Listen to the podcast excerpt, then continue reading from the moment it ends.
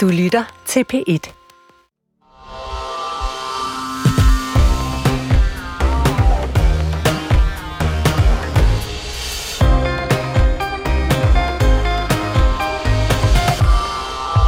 Regeringen er klar med skattelettelser for 10 milliarder kroner årligt fra 2026. Det er et udspil, som økonomiminister Troels Lund Poulsen fra Venstre kalder den største lettelse af personskatterne i 10 år. Det er over 3,3 millioner mennesker i vores land, som går på arbejde. Og i dag der giver vi dem et skulderklap. Et skulderklap til det arbejdende Danmark. For i dag der præsenterer vi regeringens nye skattereform, som kommer til at sænke skatten på arbejde med 10 milliarder kroner. Det er den største lempelse af personskatterne i 10 år. Fordi vi ønsker nemlig at påskynde og anerkende de danskere, som går på arbejde, og yder en stor indsats for det danske samfund at de fleste skal betale mindre i skat, og meget få skal betale mere. Dem, der skal betale mindre, det er dem, der arbejder eller vil arbejde mere. Dem, der skal betale mere, det er de meget, meget rige. Og dem, der ikke får noget, det er så de ældre, de unge på SU og dem, der står uden for arbejdsmarkedet. Ifølge regeringsberegninger, så vil skattereformen øge arbejdsudbuddet med mere end 5.150 fuldtidspersoner, og med reformen så ligger regeringen blandt andet op til at forhøje beskæftigelses beskæftigelsesfradraget og sænke topskatten. Jan E. Jørgensen, øh, skatteordfører for Venstre. Var det en god dag i går som venstremand endelig at kunne præsentere nogle øh, skattelettelser? Ja, det var en dejlig dag i går, helt sikkert. Altså, det er de største skattelettelser, der er blevet gennemført i, øh, i 10 år. Skattelettelser for 10 milliarder kroner, som går til helt almindelige folk, der går på arbejde hver morgen, hvad og som det, Ja, hvad er egentlig det bedste øh, ved måden, den her reform er skruet sammen på, synes du? Øh, hvad mener du? Jeg mener bare, den er jo særlig, fordi at øh, skattelettelserne er skruet sammen på en særlig måde og rammer dem, der arbejder øh, meget, eller dem, der er på arbejdsmarkedet, kan man sige. Hvorfor er det lige præcis her, I har sat ind?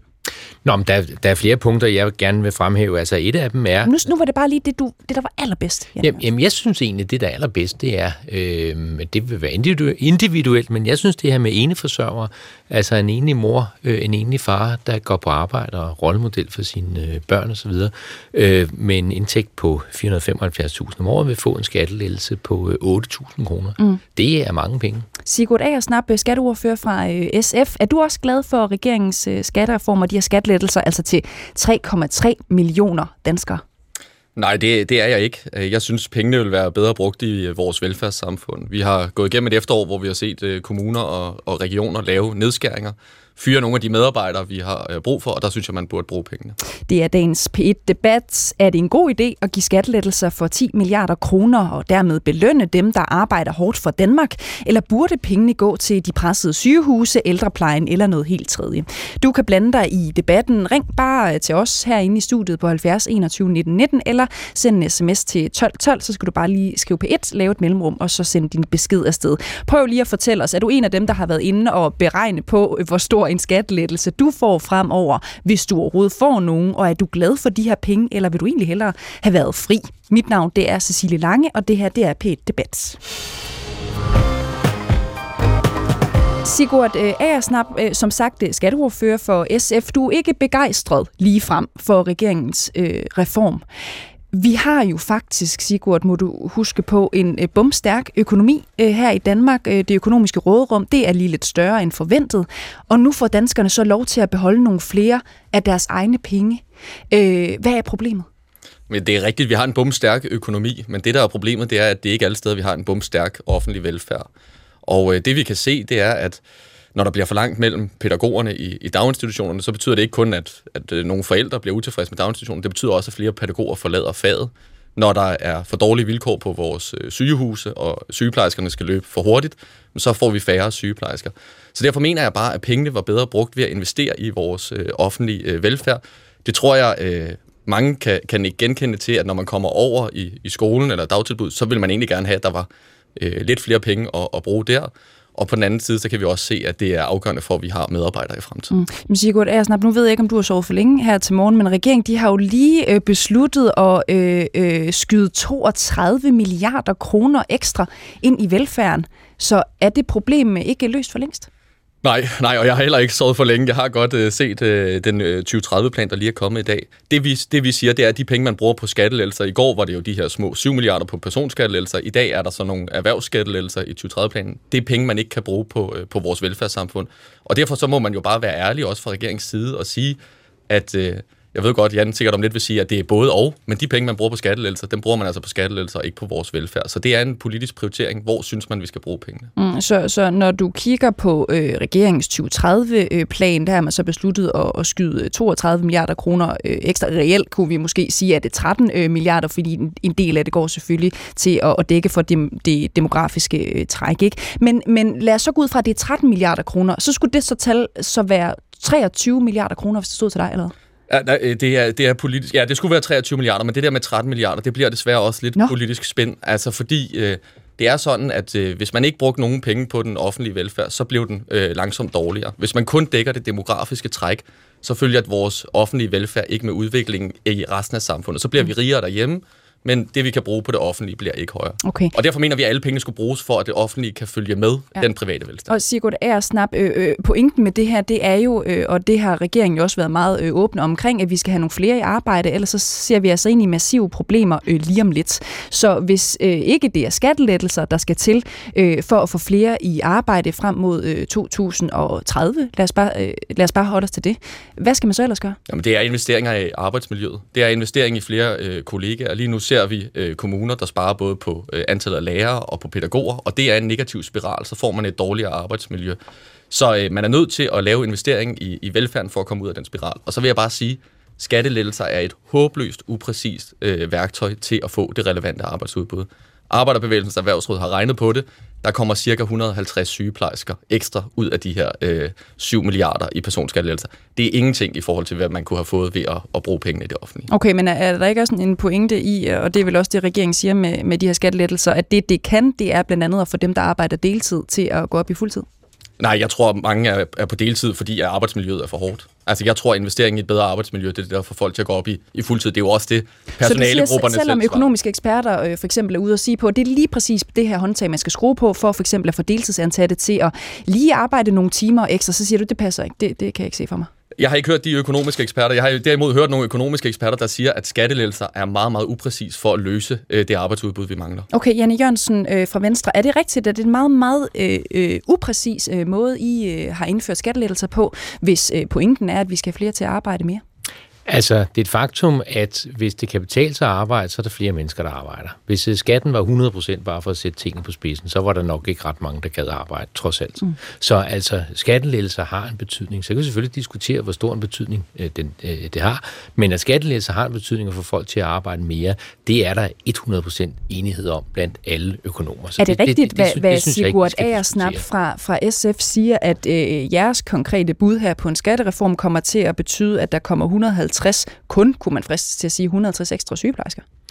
Altså, hvordan det helt præcis fordeler sig, det kan vi nok ikke helt sige, vel? Men, men øh, altså, Finansministeriet regner sig frem til, at det her vil betyde et øget arbejdsudbud på 5.150 personer. Så kommer der jo mere. Vi åbner også mere for udenlandsk arbejdskraft, eksempelvis. Men jeg synes jo, jeg synes, det er jo meget interessant for os, for mig, at, at, at høre Sigurd fortælle, fordi jo, jo, jo mere øh, Sigurd fra SF øh, snakker, jo mere tydeligt er det jo, at Sigurd jo er socialist, og det er jo fint nok, når man stiller op for Socialistisk Folkeparti, så er det jo, så er det jo meget fin varedeklaration.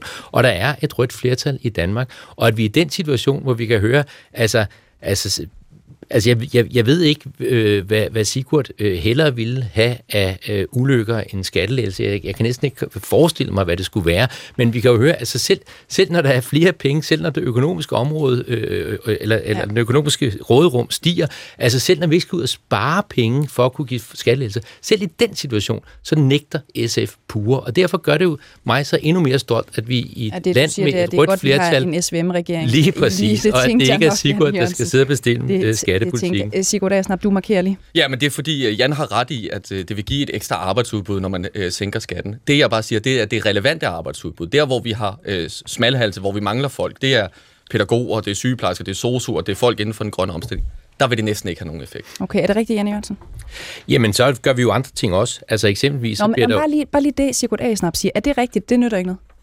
Jo, det nytter noget, men, men vi kan, altså, det, det løser ikke problemerne i sig selv. Det er jeg sådan set fuldstændig enig i, men det er jo derfor, vi også gør andre ting. Altså eksempelvis kommer med et øh, lønløft, som gør, at hvis man skifter fra deltid til fuldtid, så skal det øh, kunne betale sig. Og der er også noget, jeg ikke forstår, fordi I har talt meget om velfærdssamfundets helte, og de fortjener nogle flere penge osv. Altså, der kommer ikke mere velfærd, fordi sygeplejersken får et lønløft. Sygeplejersken får nogle flere penge til sig selv. Der kommer heller ikke flere penge til velfærd, fordi sygeplejersken får en skattelettelse. Sygeplejersken får nogle flere penge til sig selv. Og jeg forstår simpelthen ikke, hvorfor at SF, I vil gerne give folk mere i løn, men vi, I vil ikke lade dem slippe billigere i skat. Altså i sidste ende, der bliver det jo det samme. Men det er jo fordi, at lønnen det er målrettet. Altså det er målrettet de så det er steder, kun, hvor... Så det er kun offentlige ansatte, I har onde nogle vi flere penge. Det er jo det, du dybest Nej, set nej, siger. men, men Jan Jeres skattereform her, hvis den er målrettet nogen, så er det de højeste indkomster. Det er sådan nogen som os, som får 1000 kroner om måneden. Det er jo ikke det er jo ikke der, hvor vi virkelig har personalemangel. Det er nogle helt andre faggrupper. Så forskellen er simpelthen, om man har målrettet, eller man giver en bred skat. Men er vi, enige, er vi enige om, at der er masser af sygeplejersker, øh, folkeskolelærer og andre, der betaler topskat? Øh, Ikke masser, men der er nogen, det er rigtigt. Okay, godt. Lad os lige prøve, øh, nu riser jeg bare lige op, hvad, hvad vi øh, kigger ind i i forhold til den nye skattereform, som regeringen altså har præsenteret i går. Øh, hovedtrækkene er, at det almindelige beskæftigelsesfradrag, som alle danskere altså i, i arbejde får, øges fra 10,65% til 12,75%. Topskattesatsen halveres for danskere med en indkomst mellem 618.400 og 7 undskyld, 750.000 kroner om øh, året, og de, der så tjener over øh, 750.000 kroner, vil fortsat betale 15% i topskat af den del af deres indkomst, der ligger over den grænse. Enlige forsørgere får en ekstra skattelettelse i form af en yderligere forhøjelse af det ekstra beskæftigelsesfradrag fra øh, 6,25% til 11,5%. Og folk, der tjener over 200, undskyld, 2,5 millioner kroner om året, skal betale en ekstra øh, topskat på 5 procent af al indkomst over det beløb. Øhm, Ida Rendorf, velkommen til dig også. Tak. Du er sygeplejerske. Det er. Og Ida, de her skattelettelser, det er jo et direkte målrettet en som dig, fordi du er sygeplejerske, du er øh, uundværlig for vores øh, velfærdssamfund, men du arbejder kun på deltid. Mm. Ville sådan en månedlig skattelettelse, altså flere hundrede kroner, direkte ned i lommen på dig, kunne det ikke få dig til at lige at give et nap mere med? Øhm, ja, først og fremmest vil jeg sige, at jeg synes, det er interessant, at Janne Jørgensen udtaler sig om sygeplejersker, øhm, og hvad vi mener, og hvad vi synes, og hvad vi vil gøre, fordi nu har jeg været sygeplejerske i 14 år. Jeg kender rimelig mange sygeplejersker. Jeg ved, hvad vi sådan overall godt kunne tænke os. Øhm, og det er for mit eget vedkommende ikke en øh, skattelettelse på 166 kroner om måneden, øh, som det vil give mig. Øhm, Har du været nede og regnet det, Ida? Ja, det har jeg. Okay. Ja. Øhm, og jeg arbejder Øh, det, er jo, det er jo sådan lidt sjovt nogle gange, når vi opgør de her ting med fuldtid, deltid, alle de her ting. Øh, vi er jo rigtig mange sygeplejersker, der arbejder det, der hedder døgnvagter eller rådighedsvagter. Det vil sige, at vi har en øh, fast ansættelsesbryg. Nu er jeg på 28 timer for eksempel. Øh, og så har jeg døgnvagter cirka en gang om ugen, øh, hvor jeg så er på vagt i 24 timer. Mm. Det vil sige, på sådan en hel uge, så er jeg jo over fuld tid, men det tæller ikke rigtigt som fuld tid, fordi det er overarbejde. Øhm, og jeg kan godt forsikre jer om, at de af mine kollegaer, og nu er der rigtig mange i hvert fald i Region Hovedstaden, som også har den her type vagter som jeg, øh, og som arbejder dag, aften og nat, og måske har haft en aftenvagt, der så lige øh, bliver pålagt at gå i nattevagt. Vi er ikke interesseret i, at vi øh, får den her fantastiske, det fantastiske tilskud på 166 kroner, eller for nogle af mine andre kollegaer er der måske en anelse mere, men det er ikke noget, som vi som sådan er interesseret i. Det vi er interesseret i, det er jo til dels, at man de her 32 millioner, som der så er blevet tilført, øh, hvor A19 udligner den demografiske udvikling. Der kommer til at være 5 milliarder, der er til sundhedsvæsenet overall. Så tror jeg, der går 3 til psykiatrien, og så går der en til... Øh, hvad pokker var det? Det var øh, erhvervsskolerne. Mm. Øh, og nu tænker jeg bare sådan i det helt store budget, så øh, sundhedsvæsenets budget, det er på 2,75 milliarder om året. Øh, og så hvis vi får de her 5 milliarder over 6 år, så tænker jeg, at det batter ikke rigtig noget. Det vil sige, det er ikke fordi, at der kommer til at blive puttet i lønposen til sig sygeplejersker, som er ved at være ret trætte efter corona, er ved at være rigtig trætte efter en regering, der har grebet ind i vores strejke og sørget for, at vi ikke kunne forhandle os til mere løn.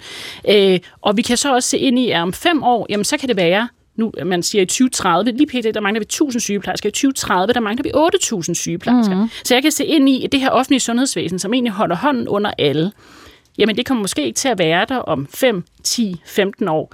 Øh, og jeg vil være meget mere interesseret i, at man ikke gav skattelettelser for 10 milliarder, men man så måske prøvede at sige, okay, vi skal måske til at se på, skal vi prioritere medicinen? Skal vi prioritere behandlingerne? Skal vi prioritere at sørge for, at sygeplejersker får flere kollegaer? Så er du så For- også men, en, må jeg bare undskyld, sige en ting? Ida, Ja, men, ja. men er du så også en sygeplejerske, der står her i dag og siger, at det er ikke det økonomiske aspekt, som Nej, giver mig nej, allermest blod på tanden, det er i virkeligheden nogle andre ting? Nej, det er det absolut forstå, ikke, fordi Men hvorfor vil du så ikke beholde nogle flere af dine egne surt øh, tjente penge? Fordi det handler, her, det handler jo om, at et, vi skal jo føle os anerkendt som sygeplejersker. Vi skal kunne få lov til at forhandle vores egen løn. Regeringen har ikke rigtig givet os noget råderum i forhold til det øh, med øh, overenskomstforhandlinger, hvor der var regeringsindgriben. Øhm, og man altså... Og 166 kroner for mit vedkommende gør ikke, at jeg får lov til at, eller har lyst til at arbejde fuld tid, fordi jeg arbejder mere end fuld tid, når jeg er på deltid, har overarbejde og alt muligt andet, som rigtig mange af mine kollegaer har. Øh, så for mit vedkommende og for mange af mine Der er kollegaer... rigtig mange, øh, Ida Renner, undskyld, Ja, men ja, der er er rigtig fint. mange sygeplejersker, der arbejder øh, deltid ja, øh, også. ja, ja. Så tror du, at du ligesom øh, repræsenterer en, du siger du lige selv nu, du taler øh, øh, klart nok selvfølgelig med rigtig mange sygeplejersker hver dag. Mm. Tror du, du er sådan repræsentativ for, for sygeplejersker, når du siger, jeg vil ikke arbejde mere? Ja. Tror du ikke, at der er en masse sygeplejersker, der sådan set øh, måske vil gå op på fuld tid, hvis det betød, øh, at der var den her økonomiske guldråd? Altså 5 6 700 kroner om måneden? Nej, det ville det ikke. Men hvis man nu øh, fra regeringens side sagde, okay, prøv at høre her, vi kan godt se, at vi har en kæmpe sygeplejemangel. Det gør, vi aflyser operationer. Vi har ikke operationssygeplejersker, vi har ikke anestesisygeplejersker, vi har ikke sygeplejersker til at bemande sengeafdelingerne. Hvis I kunne få et reelt lønløft, der ikke var 166 kroner om måneden, men så lad os sige 5.000, så er jeg helt sikker på, at det ville gøre, at folk ville komme tilbage. Fordi den måde, man har været be- blevet behandlet på, i hvert fald under corona, hvor vi fik honninghjerter som tak, øh, nu her, hvor, hvor der var øh, regeringsindgriben, jamen så føler folk sig fuldstændig mismod, for de føler sig ikke anerkendt, og man får ikke lov til at få den løn for det arbejde, man laver, for det ansvar, vi har, og for den uddannelse, vi Jo, har. men du kan vel få hvad, næsten 7-8 honninghjerner for, øh, honninghjerter for, for de der Kommer an på, hvor de fra. 163, Summerbird, ja. ja. Hun er når. Øh, Monika Rubin, øh, velkommen til dig også. Ja, mange tak. Du er politisk ordfører øh, for øh, Moderaterne. Øh, Du er jo selv læge også, øh, øh, Monika Rubin, og, og, øh, og derfor kender du selvfølgelig også øh, indersiden af sådan et øh, hospital. Nu, nu hører du øh, sådan lidt forskellige input til dig. Vi har en Sigurd øh, Agersnap, der mener, at I skulle have brugt øh, pengene på velfærd i stedet for skattelettelser. Øh, vi har også en, en sygeplejerske, som ikke vil arbejde mere, bare fordi hun ser ind i at få, øh, øh, hvad var det, 160, 166. 66 kroner mere om måneden. Hvad, hvad tænker du om det, øh, Monika Rubin fra Moderaterne? Jamen, jeg synes, der øh, kommer rigtig mange gode pointer hele vejen rundt. Altså, men det her med præmissen i debatten om, at det skal handle om velfærd eller skattelettelser, det synes jeg faktisk er en forfejlet måde at se det på. Jeg synes, det er alt for simplificeret. Okay. Og, og i hele den præmis, der taler vi heller ikke om klimaet overhovedet. Det, der jo er med skattelettelserne, er jo netop, at det tilskynder nogen til at arbejde mere. Jeg anerkender fuldt ud det, Ida siger, at der er nogle helt andre problemer i vores sundhedsvæsen. Det er jo også derfor, man har nedsat den her sundhedsstrukturkommission, fordi mm. der skal en hel reform til at gøre det bedre der. Men hele den grønne omstilling, den kommer vi slet ikke i mål med, hvis ikke vi formår at skaffe mere arbejdskraft. Og der er det at lave de her skattelettelser en måde at gøre det på. Men det er ikke nok kun med det. Der skal også flere ting til der. Og det er jo det, jeg også hører blandt andet øh, Jan også tale om. Så jeg tror virkelig, vi skal prøve at lade være med at simplificere den her debat til, at det skal handle om velfærd eller skattelettelser. Også fordi velfærd er jo sådan set offentlig forbrug, altså offentlige midler.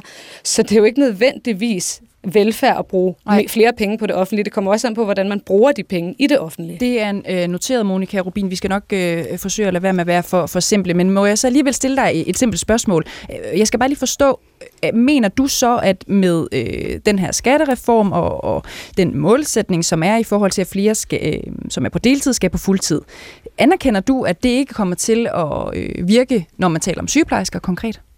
Jeg tror, at de problemer, der er i vores sundhedsvæsen, løses ikke bare med penge. Det er jo også det, man hører igen og igen i debatten.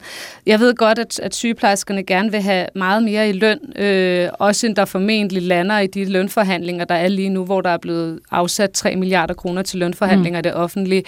Fordi at det jo netop handler også rigtig meget om arbejdsvilkår. Så det har Ida en rigtig vigtig pointe i, og det er jo præcis derfor, at Sundhedsstrukturkommissionen skal kigge på, hvordan er det også, vi får struktureret os i vores sundhedsvæsen, så vi, altså patienterne for eksempel heller ikke bliver kastet imellem systemerne, og hvordan er det, vi bruger de midler, der er. Det, der er problemet med vores sundhedsvæsen på nuværende tidspunkt, er jo også, at der også er økonomiske kasser. Og det vil sige, at patienterne bliver jo kastet frem og tilbage mellem for eksempel kommuner og regioner, fordi mm. at det er billigere at kaste dem den anden, den anden side. Og det påvirker også arbejdsmiljøet, særligt også for sygeplejerskerne. Godt. Sigurd Ejersnap øh, fra, fra SF, du markerer lige øh, i det øjeblik, Monika Rubin siger, at det bliver for simpelt, når vi snakker enten skattelettelser eller velfærd. Hvorfor gør du det? Jamen det er fordi politik handler jo om at prioritere. Altså politik er øh, prioriteringer af, hvad vil man bruge pengene på, og øh, når man bruger pengene her på skattelettelser, så kan man ikke samtidig bruge dem på at investere i for eksempel vores sundhedsvæsen. Så jeg synes bare, man må vedstå sig, at der selvfølgelig er en prioritering i politik, og de penge, man bruger på skattelettelser, dem kan man ikke mm. øh, bruge på velfærd. Men så tror jeg bare ikke, Sigurd, at du helt har fulgt med i den præsentation, der lige har været af 2030-planen. Fordi der bliver jo netop også prioriteret massive penge til det offentlige, altså offentlige midler. Men om det så udmønter sig i velfærd, det afhænger jo også af, hvordan de institutioner, altså regionerne og kommunerne, bruger pengene. Og der tror jeg simpelthen, der skal langt mere til reformer, fordi det fungerer ikke, som det er nu. Hele ældreområdet for eksempel, der bliver vi nødt til at have meget mere frisættelse. Det er jo også derfor, at regeringen kommer med en ældrereform. Hele sundhedsvæsenet, sundhedsreform. Altså det, det, vi bliver simpelthen nødt til at lade være med at tro, at bare det at skyde flere penge i noget, der ikke fungerer optimalt, det løser det. Det tror jeg ikke på. Det Men siger... selvfølgelig, selvfølgelig betyder penge mm. noget. Det siger du, øh, Monika Rubin fra Moderaterne. Og hvad svarer du, øh, Sigurd snart fra SF? Nej, men jeg synes altid, vi skal gøre ting smartere, hvis vi kan gøre det. Men, men det ville have været helt vildt, hvis, øh, hvis regeringen havde brugt alle øh, penge i det økonomiske råderum på skattelettelser. Selvfølgelig er det ikke det, der er tilfældet. Men de penge, man bruger på skattelettelser, dem kan man altså ikke øh, bruge på, øh, på velfærd i stedet. Så siger regeringen jo det her med, at det er for at skaffe arbejdskraft. Og, og øh, det sagde gentog Monika også, og Jan sagde det før, at det skærer for de her over, lidt over 5.000 ekstra i arbejdsudbud. Mm. Der vil jeg bare sige, øh, sidste år var der mere end 20.000 europæere, der kom til Danmark og tog arbejde. Der er mere end 42.000 unge, der står uden øh, for arbejdsmarkedet. Det er nogle af de værktøjer, man skal skrue på, hvis man skal sikre arbejdskraft til den grønne omstilling eller til vores, øh, vores øh, velfærdsområder. Det er ikke skattelettelser. Okay. Men Sigurd, der kommer til at mangle 8 millioner mennesker i den arbejdsdygtige alder i EU i, to, i 2030. Så det her med, at vi også bare kan rekruttere os ud af det fra andre EU-lande, det kan vi ikke i fremtiden. Ja, forsvarer du bare... Øh... Ja, altså det er, jo, det er jo super antagelsestungt, at øh, hele den europæiske økonomi udvikler sig på en bestemt måde. Det er selvfølgelig svært at vide. Nå, men det er jo men den demografiske klar... udvikling, det er den samme, som vi har i Danmark. Ja, men, men vi ved også godt, at der er mere end 13 øh, millioner arbejdsløse europæere øh, lige nu. Okay. Så, øh, så jeg, jeg vil ikke overbevise om, at der kommer til at mangle arbejdskraft. Okay, vi har lige nogle forskellige hænder i, i studiet, så nu hører vi lige først fra dig, Janne Jørgensen fra Venstre, og fra Ida Ringdorf øh, bagefter. Janne Jørgensen, værsgo. Ja, to, to ting. Først til det med sygeplejerskerne. Altså, øh, jeg betvivler ikke, at øh, du måske kun får 166 kroner.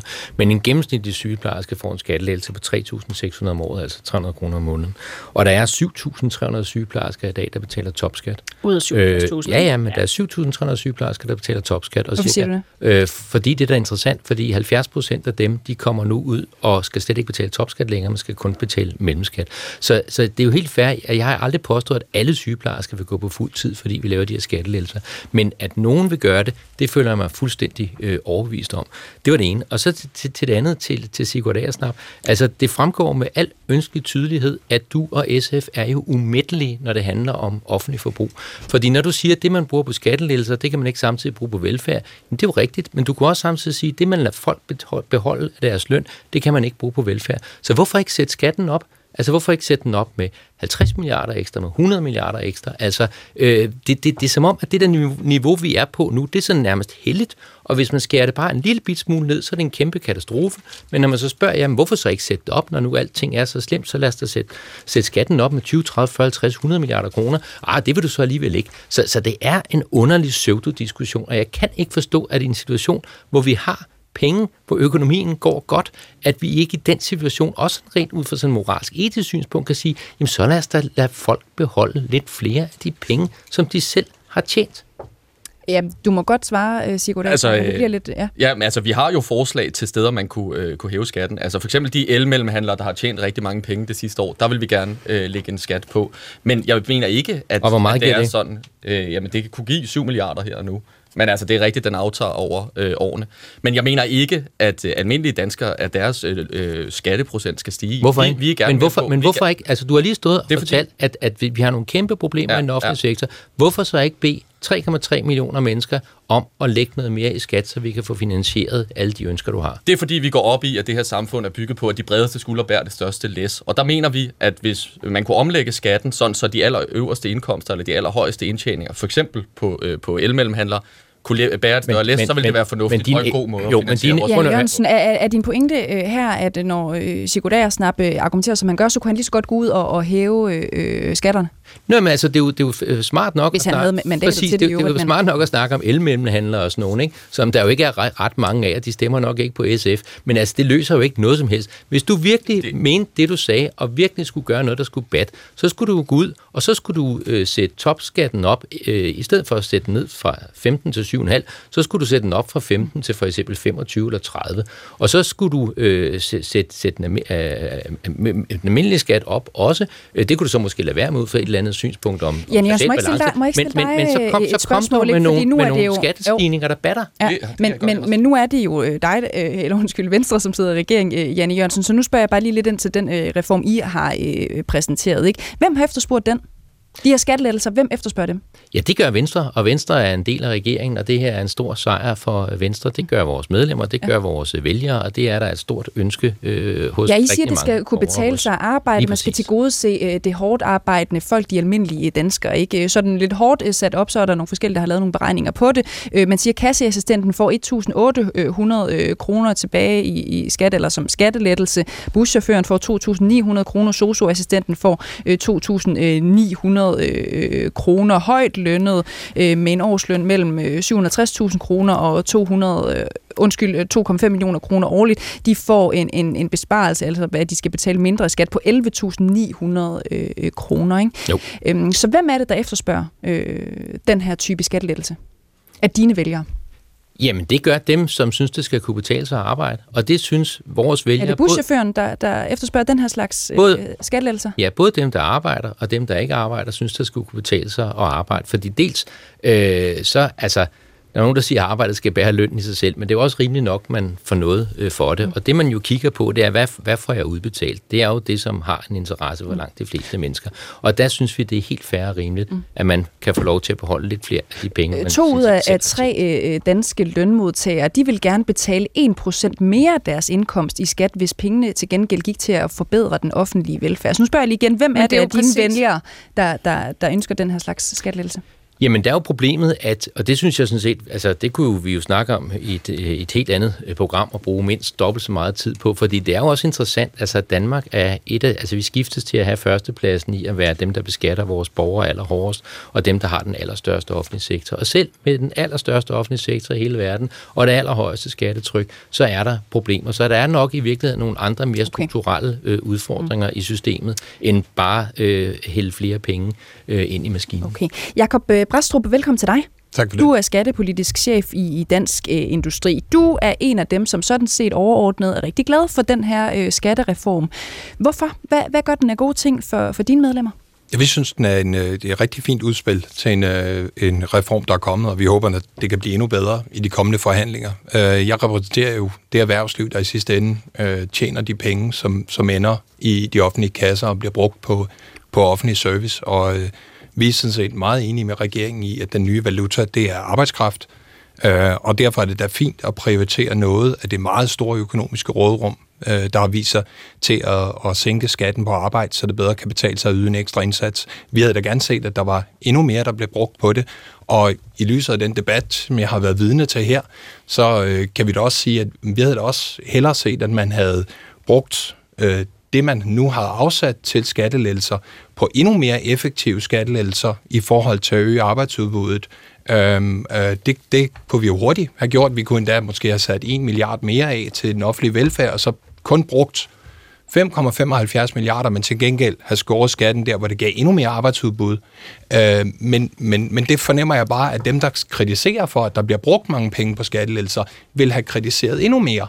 Så det er jo sådan lidt, at der, er, der foregår sådan ligesom to diskussioner. Først finder man ud af, hvor meget man vil bruge på skattelettelser til at øge arbejdsudbuddet.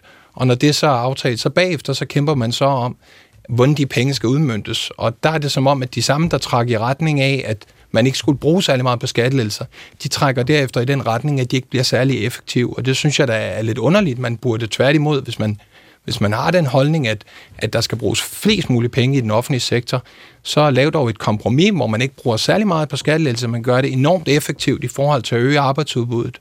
Og det ved vi jo alle sammen godt, hvor er. Det er mere lettelser i den øverste marginalskat.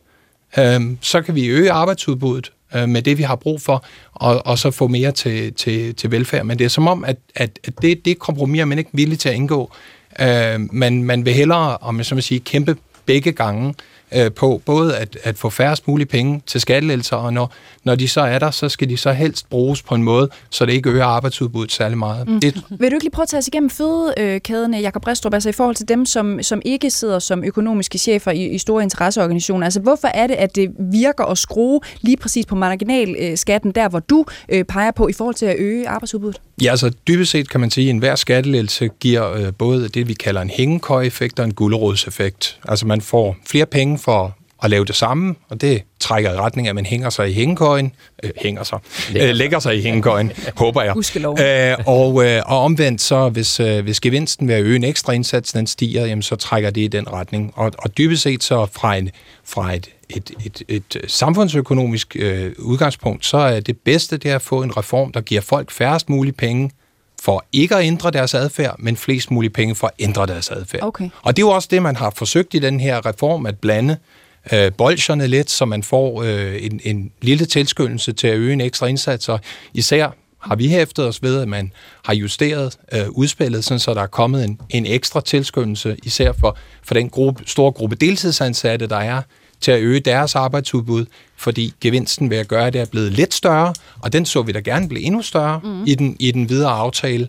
Øh, men så er det helt store, det er selvfølgelig alle dem, der, der nu får en, Men lad os lige prøve at få topskat. det øh, skåret ud i pap, Ja. for det har vi også brugt noget tid på at stå og debattere her. Kommer det til at rykke noget særligt? Altså for eksempel, nu står øh, Ida Ringdorf øh, her i, i studiet og fortæller, at hun får, kommer til at få øh, 166 kroner øh, om måneden som, som, som sygeplejerske. Øh, hvad er det, der skal øh, til at få øh, deltidsansatte til at arbejde fuldtid? Ja, det er mange ting, men hvis vi bare snakker skat, så skal. Ja. der jo bare det, at forskellen på at gå fra deltid til fuldtid i målt i kroner og øre efter skat, skal blive større. Og gør den det, jamen Er så lige er der, meget, hvor meget større den bliver? øh, ja, i forstået som at alt virker, jo mere, så virker det mere. Åh. Altså sådan er det. Det, det, er lidt, det, det, er ikke, det, er, det er simpelthen som at skrue op, for, fordi at det er jo på marginalen. Altså hvis vi ser på det her, der er 3,3 millioner danskere, der får lempet mm. skatten på den sidst tjente krone. Mm. Man regner kun med, at alt kommer der, altså det er fra beskæftigelsesfradrag, der kommer der omkring, hvad der svarer til 2.000 fuldtidspersoner i arbejde. Det er jo utrolig lidt, altså øh, i forhold til det, så det er jo ganske få mennesker, der skal ændre meget lidt adfærd for at få dem. Og det skal nok passe. Altså det, det, det kan man roligt regne med. Mm. Det havde selvfølgelig været mere effektivt, om man havde gjort noget andet. Men så var man blevet anklaget for at være mere socialt skæv. Jeg har reklameret for, at man kunne ringe her ind til øh, programmet, hvis man gerne vil blande sig i debatten. Det er der heldigvis rigtig mange, øh, øh, der gør. Det er 70 21 19 19, gentager jeg bare lige. Øh, og man kan også sende en sms øh, til 12 12, så skal man bare lige skrive på et lavt mellemrum, og så sende sin Må jeg? besked afsted. Øh, ja, det må du gerne, Monika Rubin. Men jeg byder bare lige velkommen til øh, vores første lytter øh, først. Det er Jes øh, Nielsen, som har ringet ind til os. Velkommen til dig, Jes. Hej, Hej. Øh, hvem er du, Jes? jeg er buschauffør. Jeg kører Aalborg, øh, hvad det hedder, i rutetrafik. Og, og hvad det hedder, grunden til, at jeg blev lidt øh, indigneret, det er fordi, at ham der, Janne Jørgensen, så jeg udtaler sig på buschaufførens vej. Øh, jeg vil lige sige, at jeg stemmer socialdemokrat, så jeg er ikke, det er ikke fordi, jeg er SF'er eller noget som helst. Men det er og, og ligesom at hundeliggøre, øh, hvad det hedder, ham den røde, og sådan noget der. Jeg synes, at det er usmageligt, for at sige rent ud. Mm. Så hvad det hedder, tag, tag lige at blive på bolden, i stedet for at gå efter manden. Ja, det er modtaget. Yes. Må jeg lige spørge dig om noget? Øh, fordi vi, vi, vi debatterer jo skat øh, i dag, ikke? Og som, som jeg sagde til vores fantastiske øh, øh, praktikant Tobias, inden vi gik i studiet, man må aldrig tro, at, at skattepolitik handler om penge, det handler om øh, værdier. Så nu vil jeg spørge øh, dig, Yes. Ja. Vil du gerne have mere øh, i skat? Fordi der er jo øh, ja, der er langt over 100 kroner til sådan en som dig. Nej, jeg vil godt, jeg vil godt have, at de gav dem til kommunerne, sådan at, hvad det hedder, at de gamle, de kunne blive kørt på sygehusen, og hvad det hedder, og, alle de ting, som, hvad det hedder, der bliver pillet væk nu. Mm. Det vil jeg hellere, mig og mig hellere give penge til, og jeg vil hellere undvære dem. Okay. Men, men, men øh, vi hører jo også for eksempel fra Monika Rubin fra, fra Moderaterne, man kan sådan set godt få begge dele, yes. Du kan godt få lidt mere ind på kontoen hver måned, og så kan man også investere i, i, i offentlig øh, velfærd. Det er jo blandt andet sådan en, en 2030-plan, regeringen har fremlagt i dag. Så hvorfor vil du ikke have både i pose og sæk? Det er fordi, at hvad det hedder, at det, de sidste hvad det hedder, tre måneder, der har vi sådan set ikke hørt andet end kommunerne. De, hvad det hedder, skal spare det, og de skal spare der, og de skal spare der. Mm. Og det, det er, hvad det hedder, det, det er bestemmende at sidde og høre på, fordi at jeg vil hellere have, at de fik mine penge, og så hvad det hedder, og så øhm, fik lov til, og så hvad det hedder, og så holde det niveau, de har. Øh, det er mange gange, hvad det hedder, de forkerte det går over. Altså hvis man skal til en scanning her i Nordjylland, så kan du gå op til 4-5 år, før at der, der er en tid til dig. Okay. Bare Øhm, sådan, og det, det synes jeg simpelthen, at altså, tag nu og få løst det problem i stedet for. Mm. Det gør de der par milliarder, der, de der 31 øh, sundhedsvæsenet, ja, de får 19 milliarder, men hvor, hvor er det hen, det ved jeg jo ikke. Yes, øh, Nielsen fra, øh, fra Aalborg, buschauffør, tusind, tusind tak, fordi du ringede ind øh, øh, til os. Monika Rubin, Moderaterne, vil du ikke øh, svare på den, altså en yes her, der hellere vil have, at øh, sin, øh, han, den skattelettelse, der, der går til ham, at den skulle ryge direkte ud til kommunerne. Hvad, hvad siger du til det? Jo, hvis man var sikker på, at den så gik direkte til velfærd, og den gik direkte til det, man jo ønsker, så kan jeg sagtens forstå yes. Men i forhold til, at kommunerne øh, råber op, så, så gør de det jo også hvert år op til budgetforhandlinger. Det skal vi lige hæfte os ved. Mm. Øhm, men det, jeg rigtig gerne vil tale om, det er også netop det, som du talte om i forhold til værdier. Fordi Moderaterne var jo faktisk det eneste parti, som gik til valg på både en lavere skat i bunden, en lavere topskat og en top-topskat. Og det gjorde vi netop, fordi at der skal være en social balance i det her skatteudspil. Så det handler jo netop også om værdier. Okay. Øhm, Maj Thorsen, øh, priva- øh, privatpraktiserende socialrådgiver, velkommen til dig også. Tak skal du have. Du er med os øh, øh, fra et studie i, øh, i Aarhus. Det her med, at, at planen, reformen skal ramme øh, socialt øh, retfærdigt med de forskellige elementer, som nu øh, er i reformen. Hvad siger du til det? Er det lykkedes? På ingen som helst måde. Især ikke med tanke på den øh, kontanthjælpsaftale, der lige er lavet. Og nu øh, bemærkede jeg, at øh, Janne Jørgensen taler om moral og etik, og vi hører lige her Monika Rubin tale om værdier og social balance. Altså, det er jo forblommet ord. Det er jo på ingen som helst måde til stede i, i de aftaler, der er, er lavet nu her hvor at øh, vi, vi hører om det her skulderklap, der skal gives til, til mennesker, der har, har et arbejde og bidrager til vores samfund, og samtidig med, så ser jeg jo det et spark i hovedet øh, til for eksempel unge kontanthjælpsmodtagere med de sværeste psykiatriske diagnoser, der får frataget helt op til en tredjedel af deres kontanthjælp. Det er jo på ingen som helst, der er jo ikke tale om, om social øh, balance her, værdier, etik, moral. Så igen ser vi bare, at de mennesker, der er på arbejdsmarkedet, det er super godt, de er der. Det, det er dem, der bliver belønnet mens øh, de andre de øh, betaler regningen, altså dem, der står uden for arbejdsmarkedet og ikke har en rimelig chance for at, at træde ordentligt ind på arbejdsmarkedet, kvæg for eksempel helbredsmæssige problemer okay. osv. Men, men Maja Thorsen, anerkender du ikke, at regeringen øh, jo med den her skattereform ligesom forsøger at løse en ret reel problemstilling, nemlig at vi kommer til at øh, øh, mangle mange typer af arbejdskraft øh, i den nære fremtid?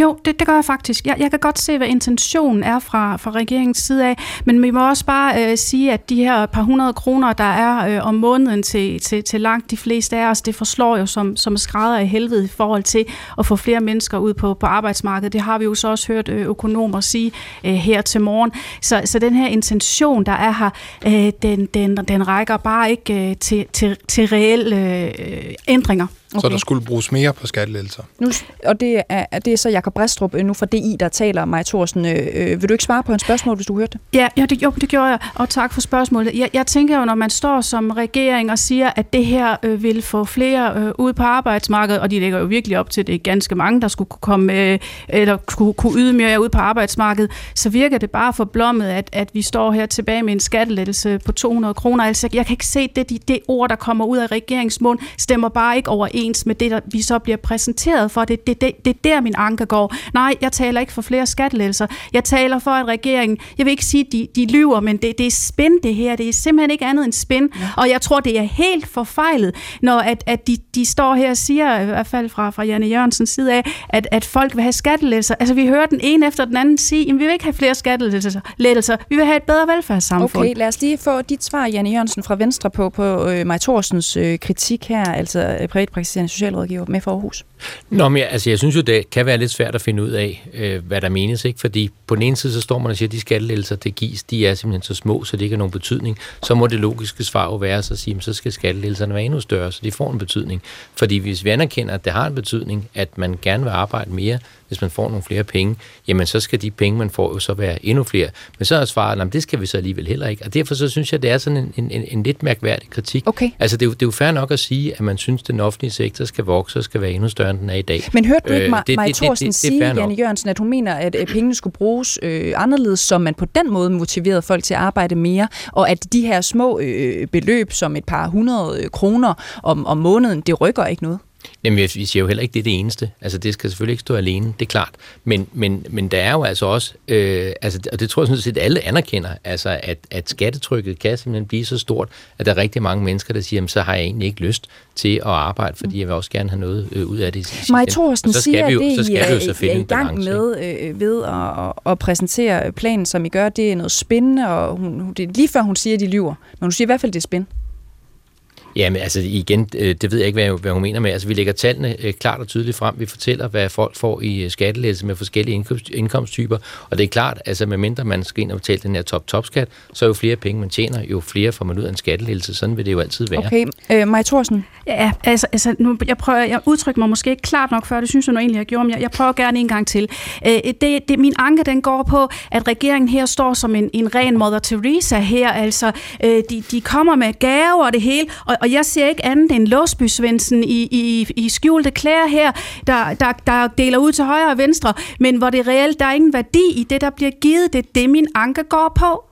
Ja, og Maja Thorsten, så, så er måske øh, go-to for, for, for Janne Jørgensen, jeg så spørge er det du siger så, at du vil have flere, øh, eller højere skattelettelser, så, fordi så var det jo ikke et lille bitte beløb, så, så kunne det måske være flere tusind kroner om måneden. Nej, Men det siger du så også nej til. Nej, det gør jeg ikke. Det, det er slet ikke det, min anke går på. Min anke går endnu en gang på det, der kommer ud af regeringens mund omkring, hvad, hvad de her skattelettelser skulle kunne gøre osv. Det, det forslår som skrædder okay. i helvede, så det passer simpelthen ikke, at det kommer til at rykke så meget på det, som de mener, det vil rykke på. Okay. Det er det er symbolpolitik. Men, det er valgflæsk, det her. Men, ikke andet. Men, kort, men, kort, ja, men Maj Thorsen, vi har ikke sagt, at det vil rykke voldsomt meget. Vi har sagt, at det vil give et øget arbejdsudbud på 5.100. Det er altså ikke så sindssygt meget. Så håber jeg så hverken vi er Mother Teresa lave... eller Låsby Svendsen, men oh, okay. et eller andet sted midt men, imellem. Og nu får uh, I, I et Rendorf sygeplejerske lige øh, ordet bagefter, er det Sigurd ja. Ja, jeg tror godt, at både uh, vores flinke buschauffør, der ringede ind, og også uh, Maj Thorsen, det her med, at man kan se, det her, det er ikke rigtig noget, der forslår.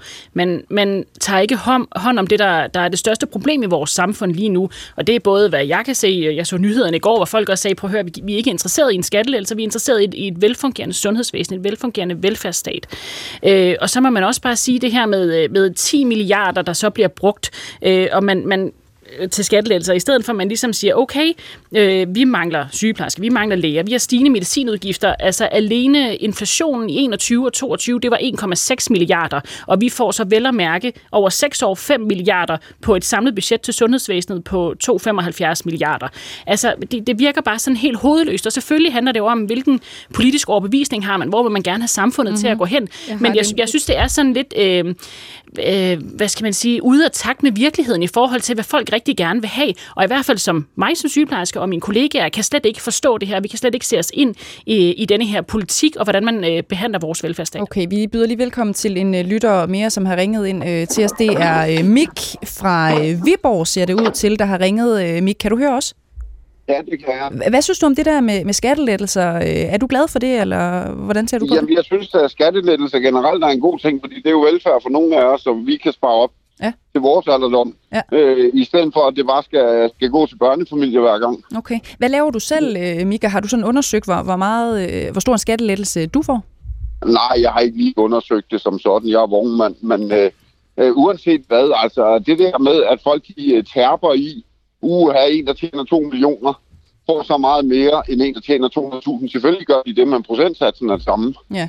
Øh, men han betaler jo også den samme procentsats øh, kontanter mere i skat, end den, der tjener 200.000. Ja. Altså, jeg tjener slet ikke op mod en million eller noget, men øh, okay. øh, for mig der er skattelettelser, det er jo også velfærd. Ja. Jamen, øh, tak for det input, øh, øh, Mik. Vil du lige svare på det, Sigurd øh, øh Agersnap? Altså, skattelettelser er jo også en slags øh, velfærd. Ja, men det, det forstår jeg godt, at nogen øh, kan synes. Jeg tror, der er mange, der... Eller, jeg har i hvert fald den holdning, at vi kan få mere ud af pengene, hvis vi, øh, hvis vi puljer dem og bruger dem på vores øh, fælles velfærdssamfund. Men det er jo fair nok, det er jo en politisk diskussion. Jeg vil bare sige til det med, at det er den samme procentsats, det er ikke rigtigt. Altså dem, der tjener over 600.000 og tjener 2 millioner, som, øh, som Mik nævner her, de får altså også i procent en større skattelettelse end end folk med lave indkomster. Mm. Så den er skæv. Og spørgsmålet er, om det så øh, er retfærdigt eller skævt, som du peger på her, Sigurd Agersnap. Det bliver det helt store tema for øh, den fortsatte debat på den anden side af en øh, radioavis, som vi skal have om et øh, kort øh, øjeblik. Øh, som sagt, vi byder øh, velkommen til et par nye gæster, blandt Anders, øh, oh, blandt Anders, Anders Kronborg fra Socialdemokratiet, øh, øh, skatteordfører, øh, som altså kommer på besøg lige her på den anden side af en radioavis. Den skal I til gengæld have nu, hvor klokken den er blevet 13. Bliv endelig hængende, kære lytter. Vi er tilbage om cirka 3 minutter.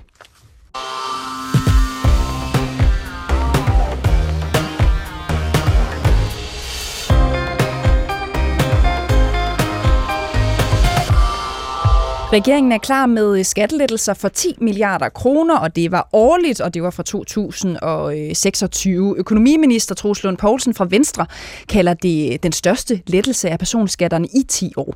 Udspillet ligger groft sagt op til, at direktøren får 1000 kroner i måneden, kassemedarbejderen får 117 kroner hver måned, den studerende får ingenting. Det gør pensionisten heller ikke. Og derfor så spørger vi i den sidste del af P1-debat, rammer regeringens skattelettelsesreform socialt skævt. Og du skal være velkommen til at blande dig. Ring ind til os her i studiet på 70 21 19 19, eller send en sms til øh, 12 12.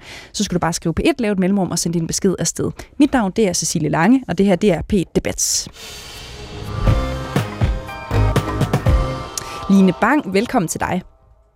Ja, tak skal du have. Du er overførselsindkomst øh, øh, modtager. Du er med os her på en telefonforbindelse. Øh, Line Bang, vi ja. har jo ringet til dig, fordi vi ved, du har noget på hjerte, når det kommer til øh, lige præcis den her øh, øh skattereform og også andre skattereformer.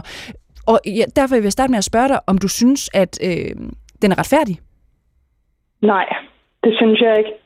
Øh, som der er blevet sagt både for sygeplejersken og for socialrådgiverne, som har været med i programmet i dag, øh, den rammer socialt skævt. Igen, selvfølgelig skal der, selvfølgelig dem, der er på arbejdsmarkedet, skal selvfølgelig have en gevinst for at være på arbejdsmarkedet. Det skal kunne betale sig arbejde. Selvfølgelig skal det det. Men jeg kan heller ikke lade være med nogle gange, når jeg sidder og hører hele programmet, for jeg har fulgt med den sidste times tid, ja. så kan jeg heller ikke lade være med at stille spørgsmål. Hvornår tager vi også en snak om, vi skal have flere sygeplejersker, vi skal have flere pædagoger, vi skal have flere... Men hvad med de brugere, der det handler om, hvad med børnene? Hvad med de ældre? Hvad med de syge? Hvad med de psykiske sårbare? Hvad med de øh, fysiske sårbare? Hvad med de handicappede og alle dem her? Hvorfor er det, det er... Nu snakker vi skattelettelser.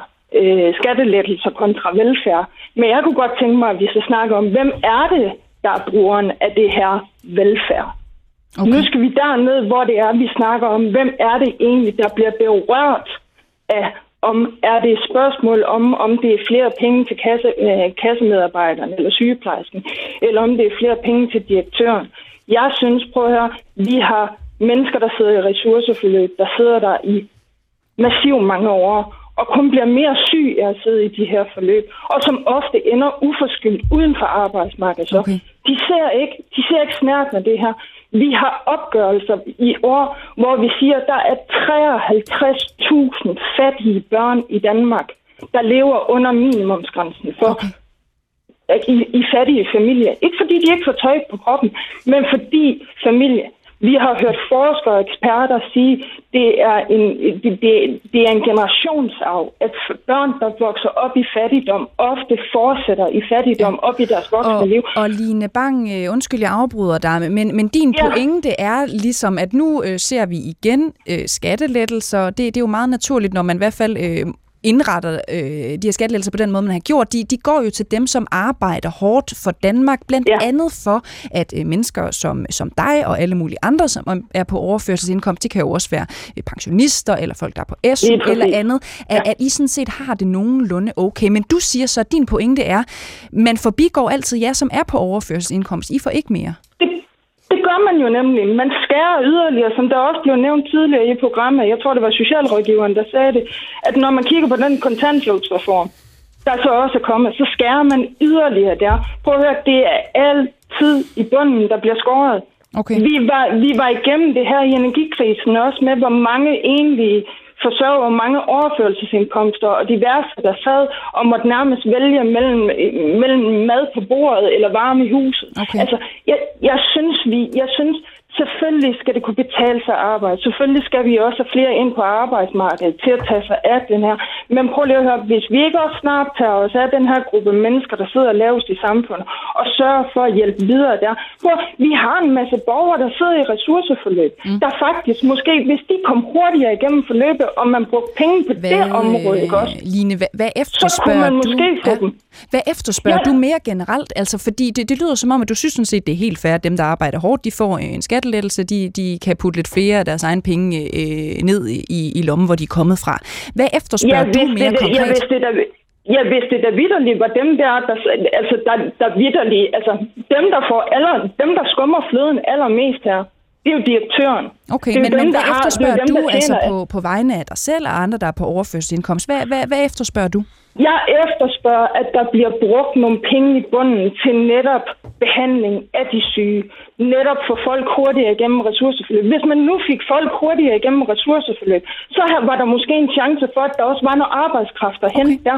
Hvis man nu brugte nogle ressourcer på de svage, på, på at give dem den rigtige behandling, okay. på, på at hjælpe dem igennem systemet, på, på at give de nødvendige ressourcer til at sige, mm. at de ikke skal kæmpe så kunne det måske være, at der var en chance for... Jeg siger ikke, det er alle, der sidder i ressourceforløb. Nej. Jeg siger ikke, det er alle, der sidder på overførselsindkomst. Men der var måske en gruppe danskere, at hvis man vil bruge nogle penge i bunden, så var der måske en chance for, at man kunne få nogle af dem tilbage på arbejdsmarkedet.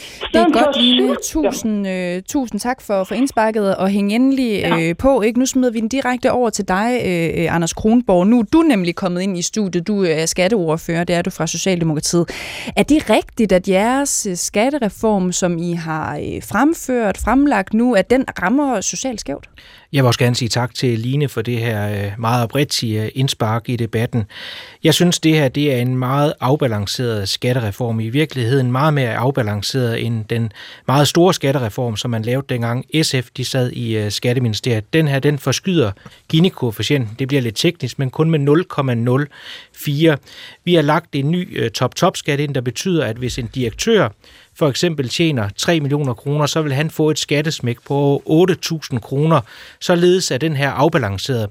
Nu gik jeg lige herop øh, til studiet her i DR-byen, det er Bamses hus jo, og som jeg fortalte, øh, inden programmet igen gik i gang, så vil jeg have givet Bamse 20 kroner for at illustrere det her, den her opjustering af det økonomiske råderum, fordi det er jo ikke rigtigt, at vi ikke bruger penge på velfærd. Ud af den her 20 kroneseddel, der bruger vi 2 kroner et opjusteret råderum cirka på skattelettelser, hvor 18 kroner, altså stort set hele mønten, den går på velfærdsforbedringer, forbedringer af klima, forbedringer på vores fælles sikkerhed. For jeg er meget, meget enig i, at der er ting i systemet, der trænger til en økonomisk håndtrækning. Det er også derfor, vi går ind og styrker psykiatrien med over 3 milliarder kroner. Vi går ind og styrker sundhedsområdet med over 5 milliarder kroner, og så går vi også ind for eksempel og giver et løft til vores erhvervsuddannelser med næsten en milliard kroner. Det er for eksempel socioassistenten, som skal hjælpe vores ældre medborgere, ligesom vi sikrer, at ud af årene, der følger pengene det, der hedder det demografiske træk, altså når vi bliver flere børn og flere ældre. Og så synes jeg heller ikke, vi må glemme, at der er altså nogen i det her land, der står op om morgenen, smører levpostejsmadder til deres børn, der også er voldsomt presset af den her inflation, de kommer nu til at få lidt mere luft i økonomien, kan se, det kan betale sig at arbejde, får måske råd til den her ekstra biografbillet om måneden, man kan tage sin familie dem, med til. Dem, du taler om her, Anders Kronborg, undskyld, øh, Line Bang, jeg tager lige øh, ordet her, så skal du nok øh, få det lige om et øh, kort øh, øjeblik. Ikke? Dem, du øh, taler om her, dem, der står og smører øh, med og, om morgenen, og nu kan se et større incitament øh, til at, øh, at arbejde. Øh, kan de det, hvis man, øh, som for eksempel i Rindorf, der var her tidligere, får 100 267, mener jeg, kroner det var om måneden mere. Er dem, du taler om? Jeg taler om mange forskellige. Jeg taler for eksempel også om den ganske almindelige øh, FH-familie, som kunne tjene, uh, lad os bare sige, uh, sige uh, sin håndværker og en underviser. De vil ja. få en skattelettelse på cirka 5.700, altså lidt mere om måneden. Og så det er jeg rigtig glad for i den her ja, det, det, det svarer til cirka 283 kroner om måneden. Og det er også det, jeg siger, de der lidt ekstra midler til blandt andet at kunne lave en biograftur med sine børn. Og så det, man skal tage for øje, det er rent procentuelt, så styrker den her skattereform mest den enlige forsørger. Det vil sige, at for eksempel den enlige øh, mor, der for eksempel er medlem af HK, sidder ved kassen i et øh, supermarked. Hun kan mærke det, hvis hun arbejder øh, flere timer, og det synes jeg, det er meget fornuftigt, ligesom jeg synes, det er fornuftigt, at den direktørfamilie, der har en million stor løn, mm. også kommer til at bidrage lidt mere til øh, fællesskabet. Jeg siger bare lige til dem, der ikke øh, øh, øh ved, at Gini-koefficienten, det er sådan den mest anvendte øh, fordelingsmål, kan man sige, som med et enkelt tal ligesom på en eller anden måde kan angive graden af, hvor, øh, hvor socialt skævt noget kan være. Det er baseret på, på indkomster. Ja, jeg har kigget skattereformer igennem. Vi har lavet i øvrigt også sammen bredt i, i Folketinget. Jeg kan ikke finde nogle, øh, nogle skattereformer sådan i nyere tid, hvor, hvor man så må sige, det skred, det er så minimalt som i den her øh, skattereform. 0,04, det er det, der er udsving på. Ja, 0,07 ser det ud til ifølge Arbejderbevægelsens øh, erhvervsråd. Det er øh, rigtigt. Den, den, den, er, den rykker ikke særlig meget den rykker nemlig ikke i forhold til tidligere øh, reformer. Men det, som Line Bang her, hun taler om, Anders Kronborg, øh, det er jo dem, der står uden for arbejdsmarkedet. De får igen ikke noget. Hun føler sig forbigået. Øh, hun føler sig ikke værdsat. Det, hør, det hørte jeg hende faktisk ikke sige. Nå, okay. Altså, jeg hørte hende ikke sige, at hun vil have øh, større skattelettelser. Jeg skulle også lige til at sige på, om forbigået, fordi det, det er jo ikke, jeg, jeg sidder ikke i en situation, og siger, at jeg skal have mere, jeg skal have okay. mere, jeg skal have mere. Mm. Men der sidder, der, sidder, der sidder nogle mennesker derude. Det jeg ikke kan forstå, det er, der sidder en masse mennesker uforskyldt uden for arbejdsmarkedet. Der okay. sidder nogle mennesker, der egentlig ikke kan komme ind på arbejdsmarkedet, der enten er slidt op, fordi man er psykisk eller fysisk syg, eller har et handicap eller et eller andet. Det kan ikke... Prøv at høre. Nu sidder, nu sidder du og snakker om, at den her, familie, den her arbejderfamilie, det kan, de har 283 kroner om måneden, det kan give dem råd til en biografbillet af, og det ene og det andet, ved at få lidt mere, ikke også? Men prøv lige at høre her, der sidder også mennesker uden for arbejdsmarkedet, der også har børn. Ved du hvad? År for år for år, der hører man, at fattigdomsgrænsen, og der, og der står flere og flere børn i fattigdom. Prøv lige at høre, fordi der er mennesker, der er på overførselsindkomsterne. Ved du, jeg kan, det er rigtigt nok, selvfølgelig er det godt for den her familie, at de får 283 kroner mere om måneden, dem der arbejder. Men det kan da ikke være rigtigt, at, at den levestandard, der er for dem, så snart du er uden for arbejdsmarkedet, og du er uforskyldt uden for arbejdsmarkedet, at så er det som om, jamen lad, lad os droppe snakken omkring den gruppe mennesker. Det er fordi godt, de, de er nærmest ikke en del af samfundet. Det er, øh... Altså, samfundet slutter ved kassemedarbejdere. Okay, lad os prøve. Ikke Jamen, det er fint, Line. Vi har, vi har, øh, vi har øh, modtaget ja. pointen her. Vil du, vil du ikke lige svare, Anders Kronborg? Fordi øh, nu skal jeg nok lade være med at stramme øh, øh, vinklen. Men, men en gruppe af mennesker, der uforskyldt øh, øh, står uden for arbejdsmarkedet, øh, som jo øh, måske lever med meget mindre mellem hænderne hver øh, måned, de får jo ikke øh, mere. Det følger jo ikke med den generelle øh, udvikling, som vi så øh, 3,3 millioner øh, danskere, der nu øh, skal have, øh, der slipper for at betale helt så meget skat som tidligere. Den her gruppe af mennesker rykker jo ikke med. Er det ikke øh, skævvidende? Det er rigtigt nok, at i forhold til isoleret set, den her skattereform, som blev præsenteret i går, den tager ikke højde for det, men vi kigger jo også ind i, øh, i nogle af de her grupper. For eksempel øh, kigger vi ind i, at øh, vi øger ældresjekken øh, lige om lidt og andre initiativer. Men netop den her gruppe mennesker har jo også brug for et velfærdssamfund, øh, der fungerer. Og derfor er jeg jo enormt glad som socialdemokrat for, at vi laver det største velfærdsløft nu i øh, 15 år. Sikrer der er en øh, ordentlig øh, dagpasning, sikrer der er fri og lige adgang og nogle ordentlige skoler, sikrer at der kommer flere midler til psykiatrien, sikre, at der kommer flere midler til vores sundhedssystem, og også sikre, at dem, der går ind og tager en erhvervsfaglig uddannelse, der kommer der altså et enormt løft, så de får moderne værktøj i hænderne, nogle gode øh, rammer, hvor de bliver uddannet på. Det er, det er også velfærd øh, for mig. Du kalder det et enormt øh, løft, Anders Kronborg. 32 milliarder, det er et enormt løft. Lige præcis. Øh, hvis vi så skærer lidt af, af fluffet øh, øh, fra, ikke, så, så kan vi sige 13 øh, milliarder, som altså ikke øh, handler om den demografiske udvikling. Vi starter med at skære de 19 milliarder fra. Ikke? Så har I 5 milliarder, som I siger, går til blandt andet sundhed og en række andre forskellige ting. Er, er det den gruppe, du henviser til, øh, at I kommer til at, vi kommer til at se et enormt øh, løft? Altså, øh, nu nævner du også øh, dagplejer og alt muligt andet. Hvor mange penge får dagplejen øh, generelt? Nu ved jeg ikke lige, hvad dragplejen får, øh, får helt generelt, men det er jo, det er jo et type eksempel, vil jeg vurdere. Så det er cirka de her 5.000 kroner i, øh, i skattelettelse om året, øh, afhængig af, om man er enig forsørger. Måske der, der formulerer mig eller, helt, øh, helt øh, kuk, men lad os, lad, os, lad, os, øh, lad os fokusere så på sundhedsområdet. Ja. Øh, det er en af de øh, kasser, hvor der kommer 5 milliarder, når vi lige har skåret øh, lidt fluff fra. 5 milliarder kroner står de til øh, at få. Er øh, problemerne i, i sundhedsplejen, psykiatrien og andre, som de skal dele med, de her 5 milliarder kroner, er problemerne løst, når de har fået 5 milliarder? Nej, de bliver ikke løst i morgen, fordi en af udfordringerne, det er jo også, at der mangler hænder derude, og der har vi jo så også samtidig, det har ikke fyldt så meget i den her debat, der har vi jo også blevet enige med hinanden om, at vi laver et lønløft.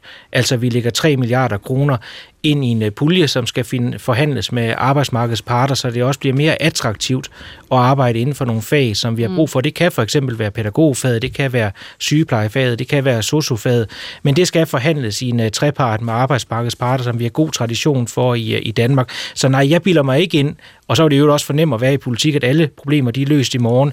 Men vi går i hvert fald ind og gør det lettere at løse de problemer med flere midler i den offentlige sektor. Og det synes jeg, det er ganske fornuftigt. Okay, lad os lige prøve at få øh, reaktionerne fra, fra panelet her. Lad os starte hos dig, Sigurd Snap, øh, skatteordfører fra SF. Jamen altså, jeg har jo hørt over en, en række måneder nu, at Socialdemokratiet har sagt, at den her skattereform er, er socialt øh, balanceret eller målrettet bunden, som de faktisk startede med at sige. Og der må man jo bare sige, når man kigger på tallene, så er den her skattereform, hvis den er målrettet nogen, så er den målrettet dem, der før betalte topskat. Øh, Troels Lund Poulsen sagde, da han præsenterede den, at det her det er et skulderklap til dem, der er i arbejde. Og der vil jeg bare spørge, hvorfor er det, at jeg med min løn skal have et større skulderklap, end for eksempel buschaufføren Yes, vi hørte fra før? Det er jo det, der er øh, den socialt skæve i, i den her øh, reform. Ej, lige der kunne man også godt gøre noget tale til. Men Sigurd er snap ja. øh, spøj til side. Ikke Arbejderbevægelsens øh, erhvervsråd siger, at det er den mindst ulighedsskabende skattereform i, i 20 år.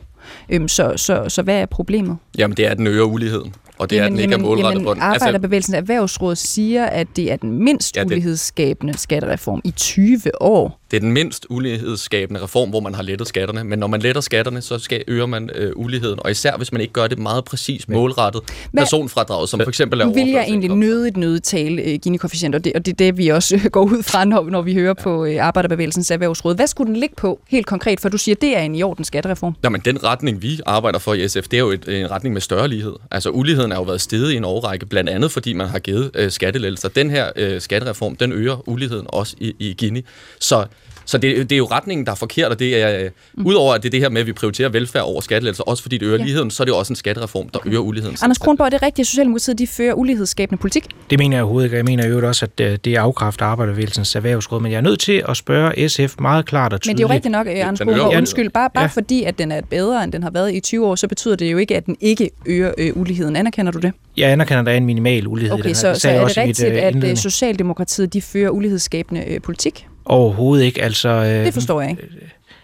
Altså, der er en minimal ulighed i, i den her, det har jeg redegjort for. Jeg har også redegjort for, at den minimale ulighed, som der er, den er faktisk den mindste i forhold til tidligere skattereformer, som vi har set. Også den skattereform, SF de selv var med i, da de sad i regeringen, hvor man gik og øh, sænkede selskabsskatten øh, dramatisk. Altså, du den siger, her, den er på beskæftigelsesfradraget. Ja. Mm. Det er arbejdende folk. Så fører Socialdemokratiet ulighedsskabende politik?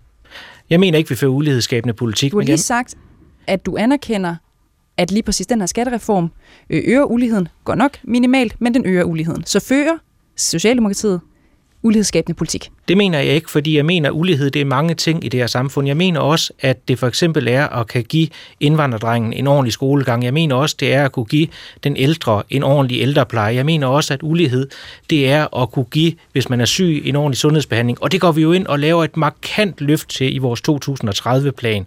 Og jeg er simpelthen også nødt til at spørge SF bare lige ganske kort, okay. fordi noget af det, vi jo har lagt ind i den her plan, det er, at vi jo har lagt et beløb ind på 0,5 milliarder, hvor vi siger, at hvis partier, de har nogle ønsker til, for eksempel og kan hjælpe en buschauffør, som har været med her i programmet, ja. så kan man komme ind til forhandlingsbordet. Men det lyder lidt som om, bare lige lidt som om, at SF de vil melde sig fuldstændig ud af indflydelse på skattepolitikken på Christiansborg, selvom vi ellers har haft en SF-skatteminister med til at sænke selskabsskatten. Så jeg kunne godt tænke mig, om SF de står og melder sig ud af en skal kommende skatteforhandling her i programmet, eller de sådan set er med til at tage ansvar for dansk økonomi. Hvad er dit svar, Simon? Ja, det er jo ikke at tage ansvar for dansk økonomi bare at give skattelettelser. Det er jo noget af det letteste, det er jo bare at bruge penge. Vi dukker selvfølgelig op, når vi bliver inviteret til skatteforhandlinger, men hvis regeringen står fast på det, de har sagt indtil videre, at man ikke kan forhandle på de store elementer i den her skatteplan, så er det jo en skatteplan, der øger uligheden.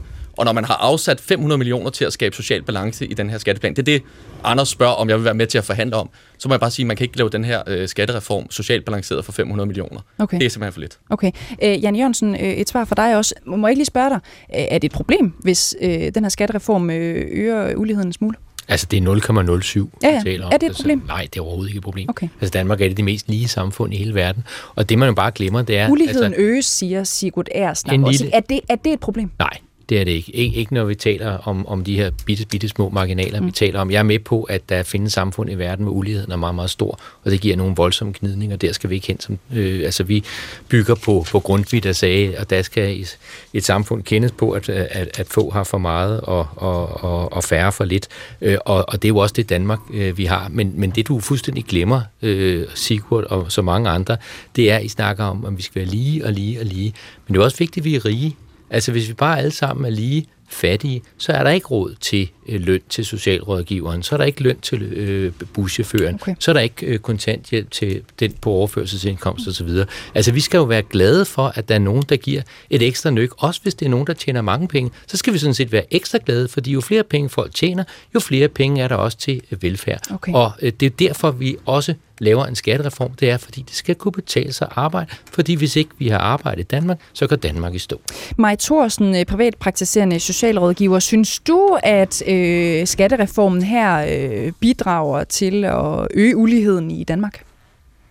Jeg synes ikke, vi kan have den her øh, diskussion i dag, uden at tale om den øh, kontanthjælpsaftale, der lige for nylig er lavet, øh, hvor at øh, 4.000 unge mennesker med de sværeste psykiatriske diagnoser går omkring øh, en tredjedel ned i kontanthjælp. Det vil sige, dem, der i øjeblikket får lige knap 12.000, de går helt ned på 8.000 kroner.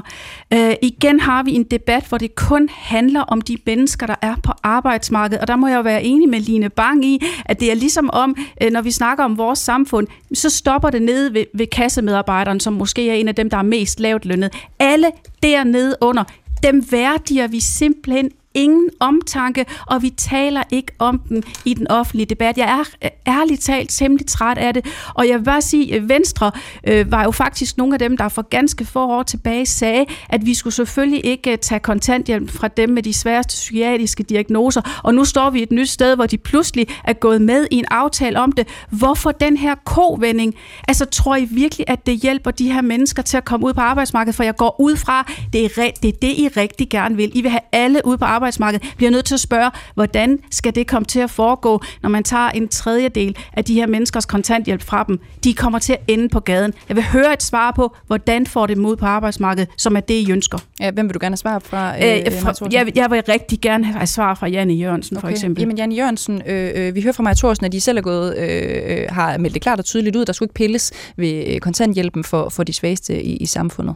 Øh, det er det, Maja Thorsen øh, mener at vide i hvert fald. Har I gjort det alligevel? Altså, det er ikke, ikke et citat, jeg lige umiddelbart kan, kan, kan finde frem, men altså, øh, jeg er fuldstændig enig i, Maja Thorsen, du at siger, det, at nu, jeg kan jo se det på en skærm, du siger øh, jamen, det, det, det, jamen, det kan man da bare, du, så kan du google, hvad dine kolleger har sagt. Jeg har lige fundet det så sent som i dag, at det har Venstre sagt for ganske få år siden, at man ikke vil pille ved det. Så jeg sidder ikke her og, og kommer med, med noget, der ikke passer. Det, det har jeg altså været ude at sige. Okay, du siger, du kan ikke så ikke lige huske det uh, citat, Janne Jørgensen. Men i hvert fald så har man jo pillet øh, ved, ved kontanthjælpen for nogle af de svageste borgere i vores øh, samfund. Hvorfor har man gjort det? Maja Thorsen siger, at vi kan ikke rigtig øh, tale om, om, om, har, altså, om den her debat i dag, uden at og nej, også nej, tale om det her. Nej, men det, det, nu går det jo hen og bliver et helt andet emne, men hvis man har svære psykiske diagnoser, som gør, at man ikke kan arbejde, så skal man jo slet ikke være på kontanthjælp, så skal man være på førtidspension. Øh, men altså, vi vil jo gerne have at folk rykker fra kontanthjælpssystemet ud på arbejdsmarkedet. Vi vil også gerne have, at det bliver på vilkår, hvor man kan, hvor man kan magte det, hvor man kan have flexjob osv. Det er jo ligesom en, altså det er jo ligesom en lidt anden diskussion. Men dem, der så lykkes at flytte fra kontanthjælpssystemet ud på arbejdsmarkedet, de skal da også kunne mærke, at det i højere grad øh, kan betale sig. Mm. Noget af det, vi hørte om før, det var jo også det her med, at øh, det ofte har en tendens til at gå i arv. Altså hvis man vokser op i et hjem, hvor far og mor ikke arbejder, så er risikoen for, at man selv heller ikke får et arbejde, den er meget, meget større. Det er jo i virkeligheden super øh, uheldigt og ulykkeligt, øh, og det er jo også noget af det, vi gerne vil bryde med det her. Men jeg påstår ikke, at det her kommer Nej. til så at løse alle problemer øh, i morgen. Og det Maja Thorsen jo også henviser til, det er en aftale, som I har øh, indgået, øh, sådan set både regeringen, SF, de radikale og konservative, øh, som altså betyder, at øh, tillæg til kontanthjælpen til unge under 30 år med de psykiske lidelser og skizofreni og borderline, de vil blive fjernet øh, for alle øh, unge under 25 år, så betyder det, at de vil få 4.000 kroner øh, mindre i ydelse om måneden. Og, og Maja Thorsen spørger jo sådan set øh, ret nysgerrigt, hvordan får det flere ud på arbejdsmarkedet? Det kan hun spørge Sigurd om så, fordi... Hvor, nu spørger jeg bare lige dig, Jan. Nu spørger ja. jeg bare lige dig. Jamen, du er det... ikke så god til at give svar på sådan noget. Jamen altså, øh, det, det, det har jeg heller ikke påstået, at det nødvendigvis øh, gør, men altså, jo større forskel der er på at arbejde og på ikke at arbejde, jo bedre kan det betale sig, og jo flere vil så arbejde. Det har jeg så dermed sagt, at det vil løfte alle øh, ud øh, øh, af kontantsystemet over øh, i arbejde. Nej, selvfølgelig har jeg ikke det. Og der er også nogen, der er i kontantsystemet, som slet ikke burde være i kontantsystemet, men som har så svære psykiske øh, diagnoser, at de burde være over i Hvorfor gør I så ikke noget ved det? Jamen, det synes jeg også, vi gør, men jeg er da helt Ej, med på, at problemerne ikke er løst. Ikke. Øh, Anders Kronborg, vil du ikke også øh, svare på det Kan du forstå, øh, hvis jeg må spørge øh, på den måde, at øh, øh folk som Maja Thorsten kommer til at, at sammenholde flere forskellige ting, hvor hun synes, at der er nogle øh, bestemte grupper i vores samfund, som er blevet øh, forbigået. Øh, om vi så taler om dem, der har fået mindsket deres øh, kontanthjælp, eller vi taler om dem, der bliver forbigået i forbindelse med øh, skattelettelser, som, som jo er i det her tilfælde dem, der ikke er på arbejdsmarkedet. Forstår du den her gruppe mennesker, at man kan føle sig... Øh, lidt efterladt på perronen. Jo, men det er jo en alvorlig diskussion, der bliver rejst her, og i virkeligheden så synes jeg, at Jan har ret i, at den tager lidt en, øh, en drejning nu, for jeg synes i virkeligheden, det der er kernen i det her, det er, at det er jo ikke usundt at gå på arbejde. Det at gå på arbejde, det er jo at bidrage til vores øh, fælles velfærdssamfund. Jeg synes, det er problematisk, at vi har så mange unge, der er mellem 16 og 24 år, som hverken har gennemført sin grundskoleuddannelse, der ikke er i gang med en uddannelse, der ikke har et arbejde. Jeg tror, en af elementerne, fordi vi skal også se på forebyggelse og skat, det kan gøre rigtig mange ting. En af de aftaler, vi er i gang med at implementere nu i Folketingssalen, den ligger uden for den her skatteaftale, det er faktisk, at vi hæver personfradraget for unge mennesker under 18 år. Det vil sige, at de får flere penge mellem hænderne, hvis de tager en avisrute, hvis de stiller varer på hylderne i supermarkedet. Hvorfor er det sundt? Det er sundt, fordi så stifter man allerede en tidlig alder bekendtskab med arbejdsmarkedet, bliver tryg ved det, og det er jo altså meningen i det her samfund, at vi skal arbejde. Mm. Vi skal, som der stod på de gamle faner, der gik, man gik med 1. maj, både Socialdemokrater og SF'er, gør din ret og kræv din øh, eller gør din pligt og kræv din ret. Den skal du altså kunne, den Den skal jeg kunne, den var lige ved det, når man står hen og sveder i studiet. Men, men det er der jo virkelig noget, noget alvor i, fordi vi skal alle sammen bidrage til øh, det her samfund, og det skal også være sådan, at dem, der går på arbejde, der står op om morgenen, og, og, går på arbejde, ja. kan mærke, at de faktisk tjener flere penge, end dem, der er på kontanthjælp. Og så skal vi selvfølgelig huske, at der er nogen, der øh, ikke det skal vi kan også huske, ja. øh, arbejde, og det er jo ikke dem, du taler om øh, her, øh, Anders øh, Kronborg. I får lige en sms her, for der er også en, der skriver, det er Lars fra Vordingborg. Jeg mener, at det er tiltrængt, at der kommer fokus på at påskynde os, der står op hver dag, arbejder fuld tid og bidrager til det fælles samfund i forhold til det store antal, der uanset grund er på passiv forsørgelse folkepensionister undtaget.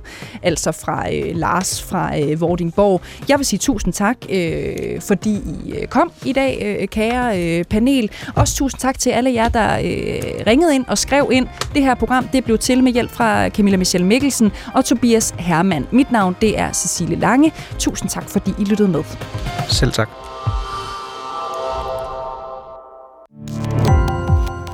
Gå på opdagelse i alle DR's podcast og radioprogrammer. I appen DR Lyd.